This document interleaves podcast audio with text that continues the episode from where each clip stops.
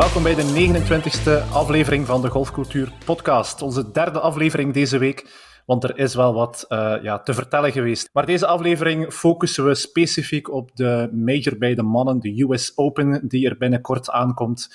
Wat gaan we bespreken vandaag? Dat zijn, ja, wie heeft er zich gekwalificeerd voor de US Open? Want het is immers een Open. Wie gaat er allemaal deelnemen? Um, ook de baan is zeker te bespreken waard, want het is uh, zeker geen gemakkelijke baan waarop ze volgende week gaan spelen. En dan eindigen we, eindigen we met onze Phenomenal Fives. We overlopen elk onze eigen Phenomenal Five. En wie is er terug aanwezig vandaag? Dat zijn uh, Frederik en Jean. Welkom. Aanwezig, dag Karel. Oh, hoe hard kijken jullie uit naar de US Open volgende week? Of de week die eraan komt? Um, ja, het is, het is, zegt, het is al zodanig druk geweest, Karel. Ik ben eigenlijk blij dat we nog eens uh, aan, aan golf kunnen denken en over golf kunnen spreken. Dus ik ben vooral heel benieuwd juist. dat die baan zal zijn. Jean en ik hebben er al uitvoerig over gedebatteerd. We gaan alsjeblieft nog wat meer doen. Dus of dat de baan uh, het kan waarmaken, dat, daar ben ik heel benieuwd naar. Ja, voor mij een major, dat is altijd, dat is altijd ja, een hoogweg. Dat is altijd fantastisch om te kijken. De sfeer die er altijd hangt. Uh, het terrein die er altijd piekfijn uitziet niveau dat gehaald wordt, de, de, de, verhalen die erbij horen. Het is altijd, ja, het is altijd een beetje kerstmis hè, tegen de majors. De US Open is natuurlijk een uh, specialeke, wel, specialeke, net zoals de British Open is het natuurlijk een open. Dat wil zeggen dat, ik denk, ongeveer de helft van de plekjes die beschikbaar zijn te halen vallen uit qualifiers. En dat maakt het extra speciaal, want dan heb je niet, zoals bij de elevated events op de PGA Tour bijvoorbeeld, alle grote namen sowieso in dat uh, deelnemersveld. Maar dan heb je ook, of dan creëer je ook ruimte voor de minder grote goden um, om, om deel te nemen aan zo'n major. En ik zeg wel minder grote goden, maar je moet je wel gaan kwalificeren en dat is uh, zeker niet eenvoudig. Dus als je je kwalificeert, dan heb je daar echt wel recht toe om, uh, om ja, over te vliegen naar LA en deel te nemen aan de US Open. Er zijn local qualifiers, dat zijn er een heel pak. Die zijn al een tijdje terug achter de rug. Dan kwalificeer je voor de final qualifiers. En ik wil het ook eventjes hebben over die final qualifiers, want dan zijn altijd wel interessante namen te vinden. Is dat de, de longest had, day in golf? Dat is inderdaad, vooral die final qualifiers. Hè. Dat is die Monday qualifying. We hebben daar ook uh, Victor Hofland gezien. Hè. Um, mm -hmm. Als ik mij niet vergis, als caddy. Als caddy, ja. De dag na zijn overwinning op de Memorial. En dan stond hij daar te caddyen. Um, ja, ik denk dat er ook wel wat, um, wel, wel, wat grapjes gemaakt uh, geweest zijn op de T-box. Dat hij er niet al te fris uitzag, maar je moet het toch maar, uh, toch maar gaan doen. Ik heb eventjes opgezocht voor die Monday qualifiers, wie dat daar zo de interessante namen uh, zijn. Het zijn er natuurlijk, ja, denk ik, meer dan 50 die zich gekwalificeerd hebben. Dus we gaan ze zeker niet allemaal overlopen. Maar we hebben um, golfers die uiteraard gekwalificeerd zijn, maar die ook uh, zich niet kunnen kwalificeren hebben. Daar zitten ook wel enkele grote namen tussen. We gaan beginnen bij het begin. Florida, Pine, Pine Tree Golf Club. Daar um, ja, was Matthew Wolf, die al een tijdje zich niet goed in zijn vel voelt, trok zich daar terug nog voor het golftoernooi begon. Uh, hij trok zich ook terug, denk ik, twee rondes in het laatste live-event. En er waren al wat speculaties, dus um, ja, sowieso geen Matthew Wolf. Dat gaat eigenlijk van slecht naar slechter met hem. Oh, pas op, misschien voor Wolf heel goed nieuws. En nu die, de deal waar we het nu niet meer gaan over hebben. Maar misschien. Wolf, die, die kan terugkeren naar de PGA en die zal, zal daar waarschijnlijk wel met open uh, armen ontvangen worden. En wie weet kan hij weer zijn, uh, zijn beste niveau terugvinden. Hè? Nog een luftspeler op, hetzelfde, op diezelfde Monday qualifier, Carlos Ortiz. Ortiz. Uh, hij won de hij won de playoff met uh, Louis Gain en um, Wesley Bryan. Dus ja, Louis Gain en Wesley Bryan niet naar Los Angeles. Carlos Ortiz wel. Dus uh, voilà, die liefspeler kan daar uh, via die qualifier dan toch gaan, gaan deelnemen. Een ander toernooi in Toronto, in de Lambton Golf and Country Club. Daar waren drie plaatsen beschikbaar. Twee namen die we zeker herkennen, um, maar die het niet gehaald hebben. Een uh, Michael Blok, die kennen we zeker nog. Die had uh, twee shots uh, te veel om door te stoten, om in die top drie te raken. En dan hadden we nog eentje die eigenlijk ook zeer goed bezig is. Um, ja, dit weekend is Ludwig Aberg. Maar die had uh, drie shots te veel. Maar goed, Ludwig Aberg is dit weekend zeer goed bezig, dus dat zal een pleister op de wonden zijn dan, denk ik zeker. Het is altijd fijn om je, je debuut... Allez, om al zo snel een US Open te kunnen spelen. Je had ook uh, over Rose Sang, je had haar gefeliciteerd. Rose Sang, die bij haar eerste wedstrijd op de LPGA direct prijs had. Ze had ook gezegd, hij had al gezegd, ik ga proberen even goed te doen. Dus dat zou betekenen dat hij nu de, ja, de Canadian Open moet winnen. Niet evident. Mhm. Dus allee, er wordt heel veel verwacht van uh, Aberg. Um, ook van ons. We hebben hem in onze twee afleveringen geleden ondertussen, vorige maandag, al getipt, wie weet, voor de Ryder Cup. Dus, Heel kort, wie, wie is Ludwig Aberg terug? Nog eens, Ludwig Aberg is de, de jonge man die de NCAA gewonnen heeft. Dat is eigenlijk de, de college golf, het hoogste niveau, Division 1. Uh, dat heet nu, denk ik, PGA University, denk ik, heet dat. Dus de eerste daarvan, die krijgt een uh, PGA Tour ticket. De, de andere vier, dus de top vijf, die krijgen een Corn Ferry ticket. En daar gaan we straks, een, zal Karel kort iets over vertellen, want uh, wie vijfde was, dat was Adrien Dumont de Chassard, een Belg. Maar bon, het gaat over Ludwig Aberg. 23 jaar, komt uit een klein uh, Zweeds stadje. Wordt, ja, ik denk dat hij al zeker een dik jaar nummer 1 van de wereld bij de amateurs is. Wordt al heel lang getipt als een, een enorme klepper die uh, er zit aan te komen. Maar dan toch niet door die Monday Qualifier, wat, dat ook, wat ook weer wel wil zeggen dat dat geen, geen gemakkelijke opdracht is om daar zomaar eventjes door te stoten. We gaan verder naar de volgende, want daar is ook een uh, LIV-speler die zijn weg gebaand heeft naar de US Open in LA, nota bene, de Hillcrest Country Club, um, David Puig. Die mag door naar de US Open. Dan hebben we in Georgia een andere qualifier in de Hawks Ridge Golf Club. En daar hebben we ook zo'n NCAA-champion, uh, Gordon Sargent. De NCAA Individual Champion van uh, 2022.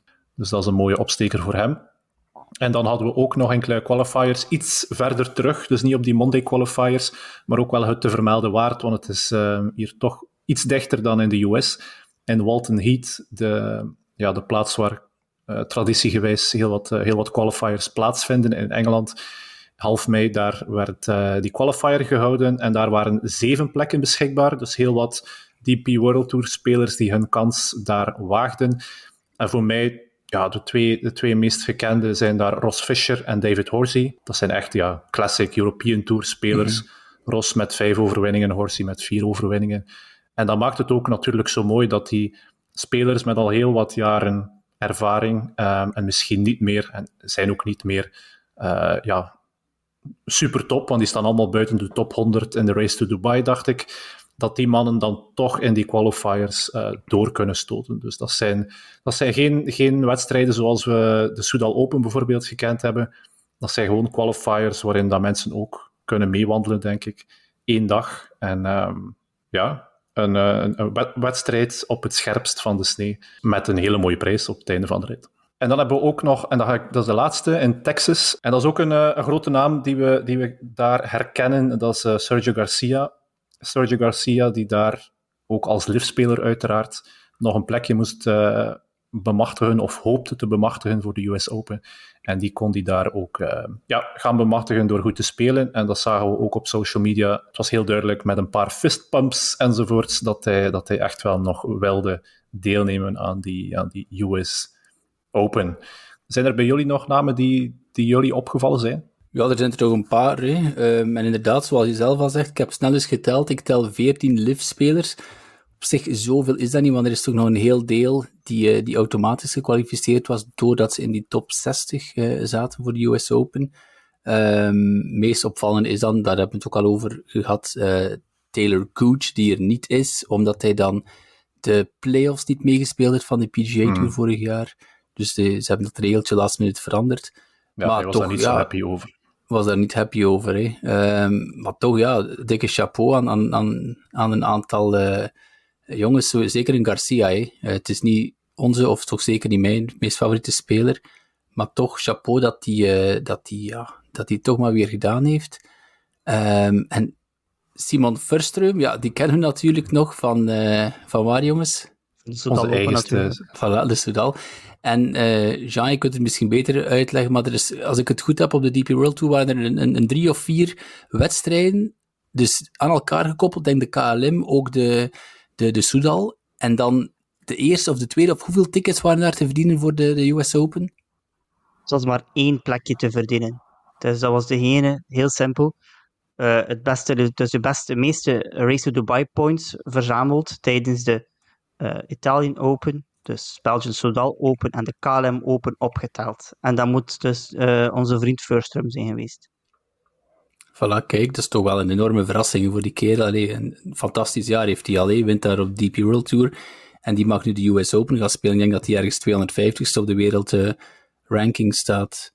Um, en dan andere verrassing, waar dat is ons uh, toch wel heel ontgoochelend voor, voor België. D3 die er niet bij is. Hè. Um, hij, moet, hij, moet, allez, hij moet er echt eens werk van maken om, om, om in die top 50 van de wereld. Uh, en dat is mm. natuurlijk gemakkelijker gezegd dan gedaan. Ik weet niet, het is gewoon. We hebben al zo lang de indruk dat een, een, een D3 beter is, of toch veel stabieler dan een Thomas Pieters. Maar Pieters zit altijd in die majors. En die drie ja, zit gewoon nog altijd, denk ik, ergens plaats 80 in de wereld. Hè. Eh, de drie heeft voornamelijk wat meer, oftewel top 10's nodig, oftewel een keer echt een goede, goede win. Je hebt echt een win nodig om in die top. Want als je op de PGA Tour wint, verdien je een plaatsje op de Masters. Ja, en als je wint, dan ben je zeker van je, ja, van je plaatsje op de FedEx Cup voor de, allez, voor de playoffs en zo. Dus dat is al heel veel gevraagd. Maar je zou inderdaad, zoals je eerder zei, hij zou echt een keer in een eh, designated event een top 10 moeten kunnen halen. En dat maakt de wereld van verschil. Maar al die zo 30ste, 40ste plaats. En Pieter had ook wel de goede ehm, strategie om te gaan pieken op die Rolex-series, heb ik de indruk. Ik denk mhm. dat hij daar heel veel punten heeft gescoord met, met niet al te veel wedstrijden te spelen. Heeft hij een paar DP World Tour wedstrijden ook heel goed gescoord. Um, maar die Rolex-series events, naar mijn mhm. mening, hebben er wel voor, ervoor gezorgd dat Pieters oh, net zo die edge... Sorry, ik dacht dat je ging zeggen, Karel, die, die Rolex-series, naar mijn mening, zijn overrated. Ik, ik, ik kon bijna je gedachten lezen. Dacht je dat of niet? Uh, nee, nee, we kunnen het daar nog uh, zo meteen over hebben. Nee, maar ik, ik wil gewoon eventjes aangeven dat, hij, dat als je een, een D3 en een Pieters vergelijkt, ik denk dat die ongeveer hetzelfde niveau spelen op dit moment. Uiteraard, dat is al een paar jaar geleden van Pieters, uh, waardoor dat hij in die top 50 is daar beland. Maar in die periode naar mijn aanvoelen, maar ik, ik kan het zeker niet wetenschappelijk gaan um, staven en, en via data enzovoort. Naar mijn aanvoelen heeft hij daar ook met zijn Rolex-series overwinning en ook gewoon daar goed te spelen op die events. Gewoon heel veel punten um, verzameld om op die, in die top 50 te, te belanden. En dan heeft een D3, hij, hij komt een beetje achter qua timing. Eh, D3 heeft dat niet gehad. En dat, dat is mhm. voor mij denk ik de, de reden waarom dat een Pieters nu wel die voordelen heeft en een D3 wat minder. Maar um, ja, het is, het, is, het is er zeker niet gemakkelijker op geworden. Hè, om, om als ik ga nu, een average speler is het zeker niet, hè, maar het is nu ook geen mega uh, ster die daar uh, overal top 10 speelt. Hè. Daar, hebben, daar hadden we het net over. Maar om een, als een zeer goede average uh, tourspeler op de PGA Tour. beter dan gemiddeld op de PGA. Beter dan gemiddeld, ja. Met, alle grotere, met het grootste respect. Hè, maar dan, dan is het, het blijft heel moeilijk om je daar in die top 50 te gaan, uh, te gaan werken. Dat is, uh, ja, blijft een uitdaging. Misschien als ik nog één naam mag droppen, dan is het Sam Bennett. Sam Bennett, uh, iedereen moet die jongen nog kennen, want dat was die, die amateur die het zo goed deed op de, de Masters. Hè. Ik denk dat hij na twee dagen nog top 5 stond. Dag 3 en dag 4 waren dan iets minder. Um, was een heel allee, frisse kerel, toffe interviews, dus heel benieuwd. Hij is de, de winnaar nog altijd van de 2022 US Amateur, wat dan nog altijd allee, als je dat wint, dat is...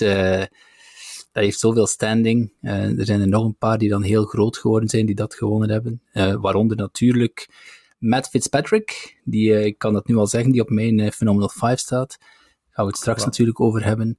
Maar dan mhm. Sam Bennett, heel benieuwd wat die, wat die nu kan presteren. Frederik, je zei een dief. Ik ga hem ook net vernoemen. Oké, dus dat wordt interessant voor uh, zo meteen. We gaan eerst eens de baan gaan uh, bekijken. Hè? Want die baan is, is een specialeke, um, Jean. Ja, dat klopt. Um, de US Open wordt dit jaar gespeeld op de Los Angeles Country Club. Dat is dus eigenlijk golfen met zicht op de skyline van Los Angeles. Mooier kan het haast niet. Naast het zicht op, op LA is er nog een, ook wel een mooi zicht dat je gaat krijgen, maar vooral voor de kijker gaat het een mooi zicht zijn. Dat zijn de Barrancas. En dat ligt een beetje overal verweven in het terrein. Um, en dat is eigenlijk iets dat je kunt zien als, zo wordt het wel eens wasteland genoemd, maar dat is eigenlijk een stukje um, ja, ongerepte natuur die ze eigenlijk zo weinig mogelijk um, behandelen of manipuleren. En die barrancas zijn eigenlijk een soort mini-ravijntjes die ontstaan zijn door, door erosie. Ehm, en dat bestaat voornamelijk uit wildgroei, dus denk maar aan stugge planten of, of, of dergelijke meer, of lage begroeiing, rotsformaties en zeer zandige grond. Zeer mooi om naar te kijken op beeld, omdat het zo natuurlijk lijkt. Mij lijkt het een hel om uit te moeten spelen, dus ik ben benieuwd als wij daar ballen zien in vallen of eindigen, hoe dat ze ermee gaan omgaan. Baan ziet er voor mij persoonlijk aardsmoeilijk uit, en dat mag wel, want het is een US Open. US Open is stevast uh, met als bedoeling om um, de winning score rond even par te maken. Ja, de baan ziet er voor mij aardsmoeilijk uit. Um, terwijl Frederik, heb ik toch de indruk, dat hij toch niet echt de moeilijkheid ervan inziet. dat is, dat is Frederik gaat er uh... even gewoon een paar gaan spelen volgende week. ja, klopt. Uh, nee, nee. Ik, ik begin het te zien, zeg het zo, uh, Jean. Ik begin het te zien, ook vooral door de afstand. Maar eerst en vooral, die fairways zijn gigantisch breed. Hè? Want, want normaal, als ik denk van smalle fairways, hoge ruf, heel moeilijk. We hebben dat nu gezien um, op um, de Memorial. We hebben dat gezien op de PGA. Dit is niet zo'n baan, hè? juist? Ja, het, het, je kunt het niet echt vergelijken, maar allee, het is toch wel potverdikke, het zal geen gemakkelijke baan zijn. Um, want, er, wat dat ook wel uniek is aan deze baan, is, je hebt um, vijf par drie's. En dat gebeurt echt niet veel. Dat is volgens mij nog geen twee of drie keer gebeurd. En drie van die par drie's zijn meer dan 200 yards. Waaronder een par 3 van 240 yards en een par 3 van alsjeblieft 290 yards. Mm -hmm. Dat is gigantisch. Mag ik iets vragen daar? Mag ik iets vragen? Ja. Vind je dat leuk om naar te kijken, par 3's? Op tv? Goh. Uh, ja. ik, vind, ik vind dat wel, ja, nee, ik, vind, ik vind dat wel tof. Maar Pro speelt dat niet graag, een paar drie. Nee, nee dus, die, haat, dus die haten dat. Die haten ja. dat. Die zou, die zou dus, liever 18 holes par 5 spelen, denk ik. Ja. Dus, en zeker als dat zo'n absurde par 3 is van, van ja, 280 yards, ja, dat wil ik wel zien, ja. Maar er zit ook zo'n heel kortje bij, is dat niet? Wacht eens. Uh, ja, maar daar, daar kom ik toe, daar kom ik toe. Ah ja, sorry, daar sorry. Kom ik toe, daar kom ik toe. Nee, nee, nee, nee. Want ik stel, ik stel gewoon die vraag omdat vijf par 3 is veel.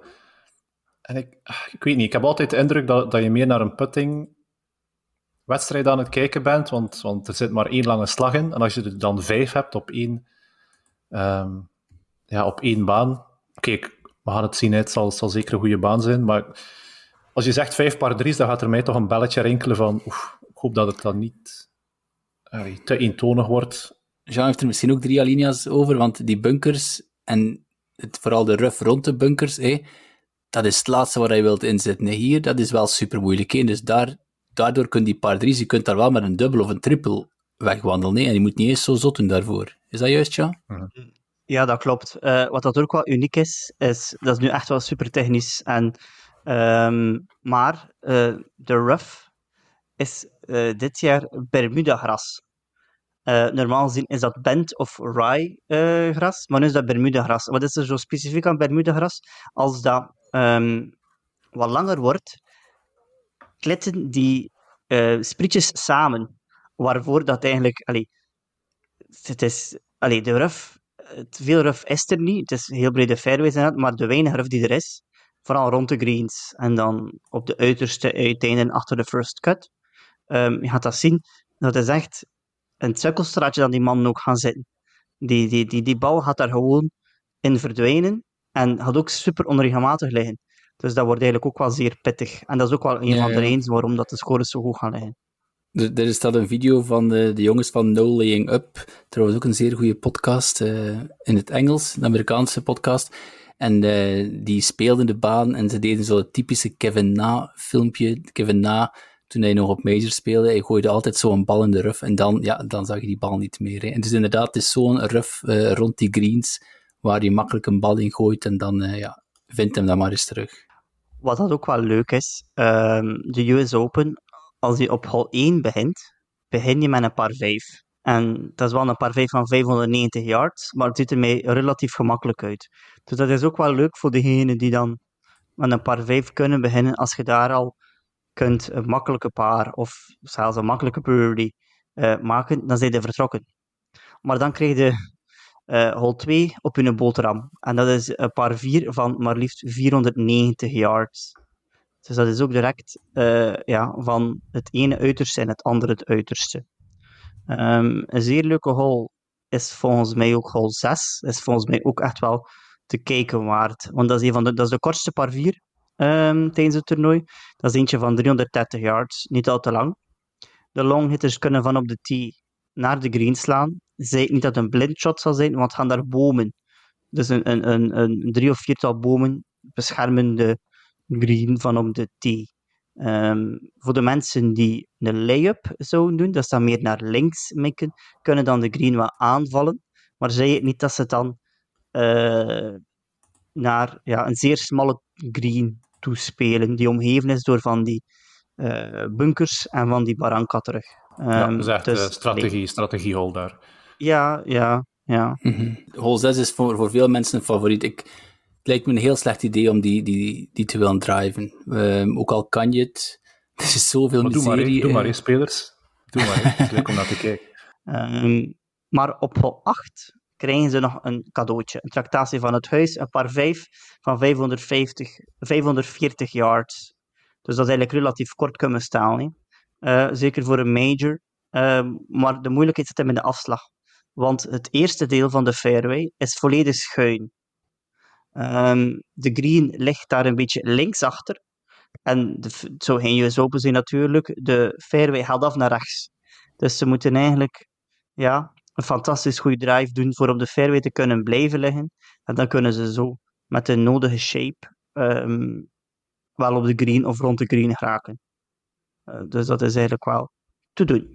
Right, dus de baan wordt wel een, uh, een interessante, ja, één om te spelen, maar ook om te kijken. We kunnen naar, de, denk naar het laatste onderwerp van deze aflevering gaan, onze Phenomenal Fives. Mocht je nog niets gehoord hebben van de Phenomenal Five, shame on you, maar ik wil het nog eens uitleggen. Wat is de Phenomenal Five? De Phenomenal Five is een wedstrijd binnen een wedstrijd. Hè. De top 10 van een golfmajor volgen is altijd interessant, maar als je een team samenstelt die jouw eigen naam bovenaan de ranking kan zetten, wordt het natuurlijk nog spannender. Hoe gaat het in zijn werk? Stel jouw Phenomenal 5 team samen van uiteraard vijf spelers. En je stelt die spelers samen op basis van ja, je favorieten of via um, voorgaande wedstrijden of de vorm van het moment. En jouw team van vijf spelers krijgen dan punten op basis van hun positie tijdens het weekend. En uiteraard krijg je nog enkele bonuspunten als je dan uiteindelijk ook de winnaar um, juist kan voorspellen. Dus je kiest vijf um, golfers voor jouw team. Je kiest ook een winnaar vanuit datzelfde team, waar je denkt dat de overwinning zal uh, zitten. En dan hebben we ook nog een schiftingsvraag, en dat is um, ja, hoe ver of hoe laag onder of over par de, eind, de winnende score, dus de eindscore, zal zijn. Phenomenal Fives, we hebben um, ze alle drie opgesteld. Wie wil er beginnen met zijn, uh, met zijn team voor te stellen? Ik wil gerust van wal steken. Oké, okay, ik zal beginnen met ze op te sommen en dan kunnen we er eventjes over spreken. Dus ik heb Colin Morikawa, Scotty Scheffler, Bryson DeChambeau, Victor Hovland en Fitzpatrick. Oké, okay, interessant. Colin Morikawa vond ik een interessante keuze. Waarom voor uh, Morikawa? Dat is een gokje hoor, dat is echt een, een gokje. Ik heb Morikawa gekozen omdat hij in 2017 de, de Walker Cup gespeeld heeft op die baan. En uh, ik heb hem daar okay. een aantal echt fantastische shots zien doen. Dus Morikawa kent die baan sowieso. Het is een beetje een, uh, een gokje. En dan een Fitzpatrick, denk ik toch. Die is, ik, ik, het is toch weer de US Open. Hij gaat dat niet direct zomaar uit mm. handen willen geven, denk ik. En uh, ik geloof wel eens in kansen. Ja, ik heb eigenlijk veel, veel gokjes door. Want Bryson, de shampoo is zeker uh, ook een gokje. Bryson ja, wel, ja, vond ik uh, in de laatste ja. major veelbelovend. Mm-hmm. Hij, heeft, hij, hij speelde daar met veel, veel frustratie. Dus ik denk dat hij daar energie uitgeput heeft om nu eigenlijk uh, toch te bevestigen. Want ik vind dat hij wel in de in stijgende lijn is. hij heeft daar, zo, je verwees er zelf naar, al naar, Karel, dat heel bizar interview gegeven recent. Mm-hmm. Voor de mensen die het willen zien, als je gewoon opzoekt, waarschijnlijk de Shambo interview Live PGA, dan ga je het wel vinden. Hij is blij dat iedereen weer, weer gelukkig is. Ehm, hij gelooft in de toekomst van de golf. En, en ik geloof in, in zijn spel. En dan misschien ja, twee certitudes. Scotty Scheffler, je moet haast gek zijn om hem niet te mhm. selecteren. Die is bijna altijd top 5. En dan uh, Victor Hovland, die is ook zo'n goede doen. En misschien is, is, is het nu eindelijk wel zijn tijd om een major te winnen. Voilà. Ja, wie denk je dat het dan gaat winnen, Frederik? Oh, ik zou toch... Uh, ja, kijk, ik ga heel zot doen, Bryce DeChambeau. Want Jean, die baan, daar heb je misschien niet zo heel... Allee, je hebt er wel een beetje aandacht aan gegeven, maar die baan is super lang hier en daar. Dus je moet echt wel... Een shorthitter, mm die komt, hier toch niet, komt er toch niet aan te pas. Nee, ja, ik heb eigenlijk wel redelijk wat shorthitters van op vijf gestoken.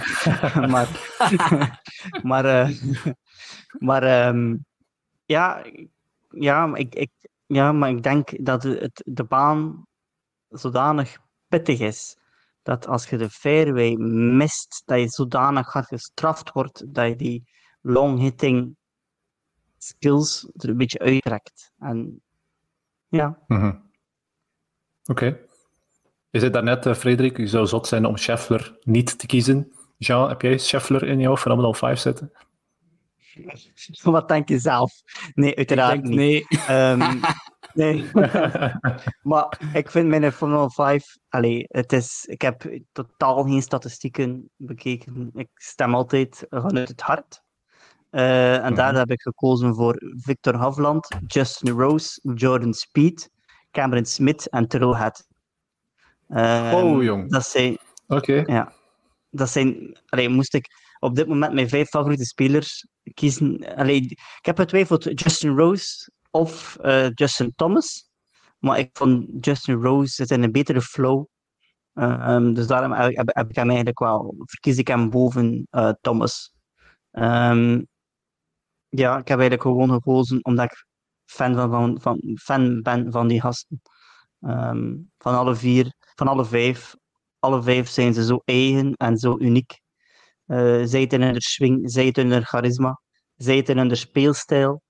Um, ja, ik geloof er wel in.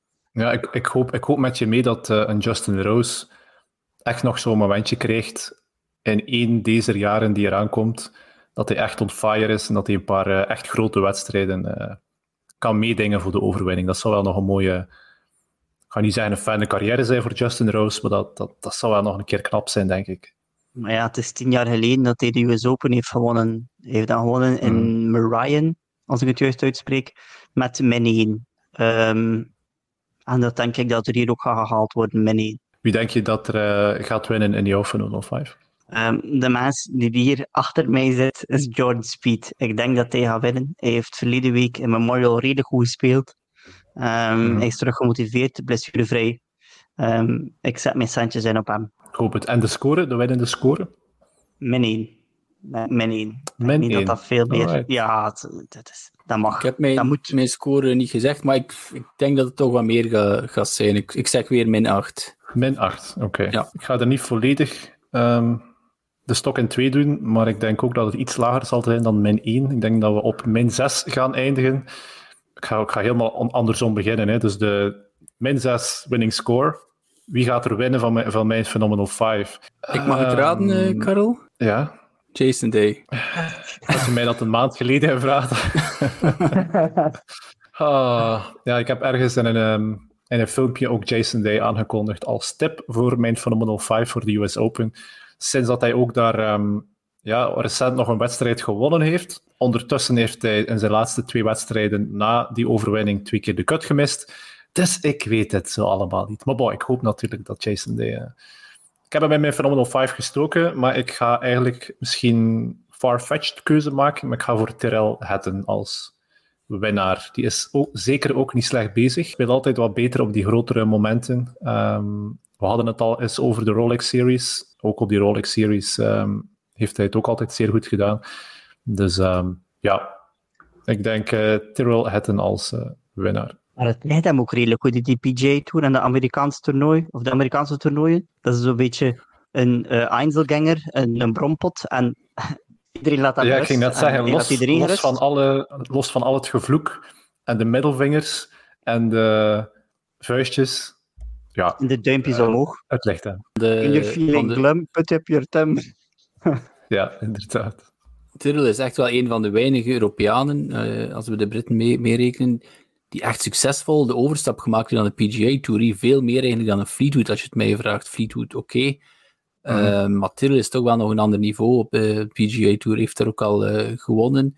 Staat 16e op de, op de FedEx Cup, 16e op de OWGR. Dus op zich is dat geen rare keuze, Karel. Terwijl dat we toch Tyrrell misschien vaak nog onderschatten. En ik zou hem nooit, nooit zeggen van oké, okay, ik ga een major winnen. Op zich zou het niet raar zijn mocht hij een winnen. Hè? Blij dat jullie het met mij eens zijn. Mooi zo. Dus Tyrrell Hatton als mogelijke winnaar. En Jason Day zal ik er voor de sport dan toch bij zetten als tweede. Um, en dan zijn het nog twee meer evidente keuzes. Rory McIlroy en Scotty Scheffler. Die zijn alle twee goed bezig. Ze zijn ook alle twee lang. Ja, denk gegarandeerde puntenpakkers. En dan misschien ook nog een eentje die we niet vaak um, in onze Phenomenal 5 steken, maar in Shane Lowry. Ja. Shane Lowry is ook redelijk goed bezig hoor. Ik denk twee top 20 sinds de laatste um, deelnames op de PGA. En um, ja, een specialeke. Een specialeke. Ik ga, de, ik ga die grote Shane Lowry er, uh, ertussen zetten. Momenteel... Een eh, major gewonnen, hè. Geen, geen onverstandige hmm. keuze, alleszins. Oh, het is toch even geleden. Hè. Is, is dat nu dertigste in Canada? Het zou mij sterk ver, verbazen, Karel. Uh, kijk, als je, als je punten pakt met Lowry, is het volgende rondje na de golf uh, op mijn kosten. Alright, blij kan misschien zelfs er, opnemen. Er kan misschien zelfs een spaghetti vanaf, Karel. oh, oh, schitterend.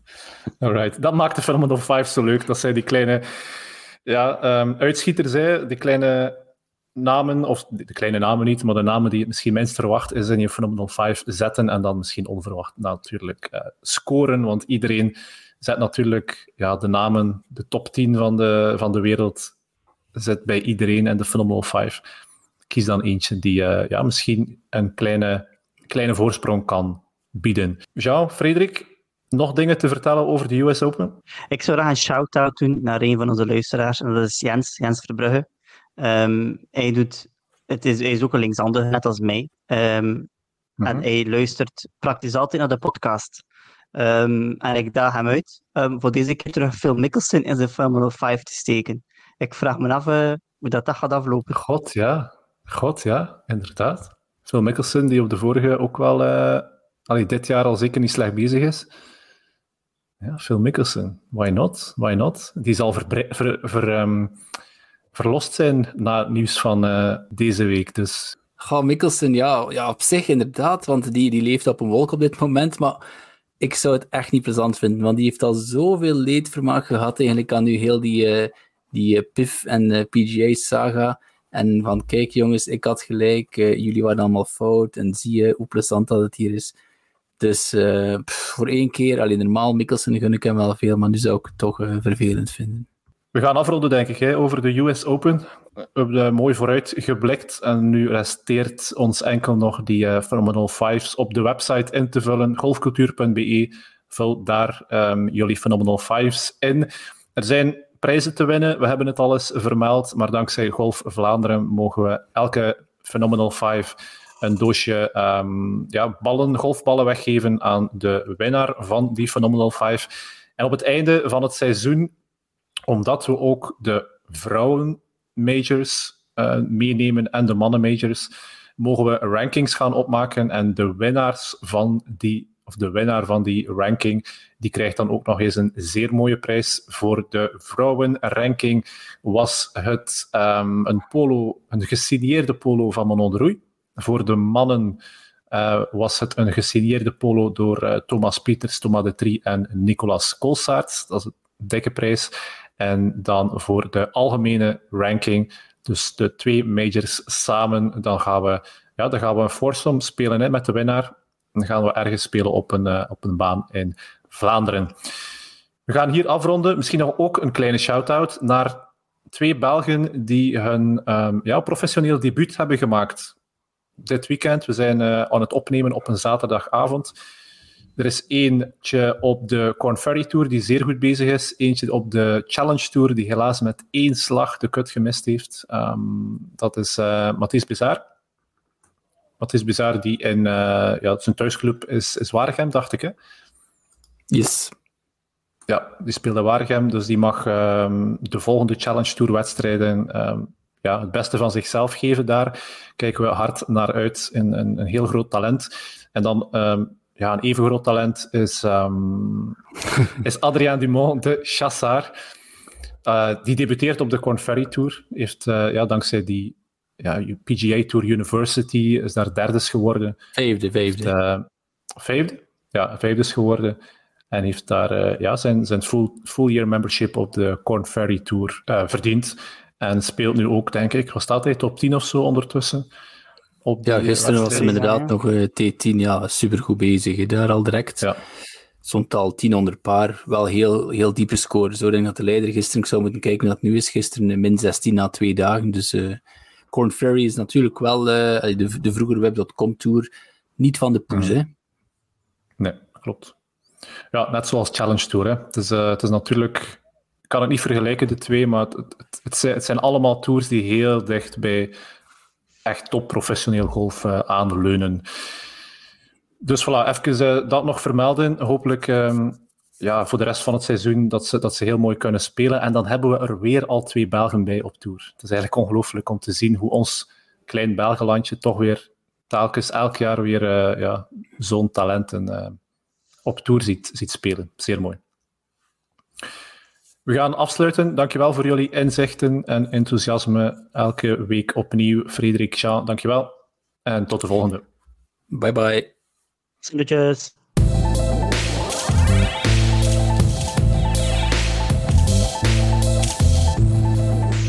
Beat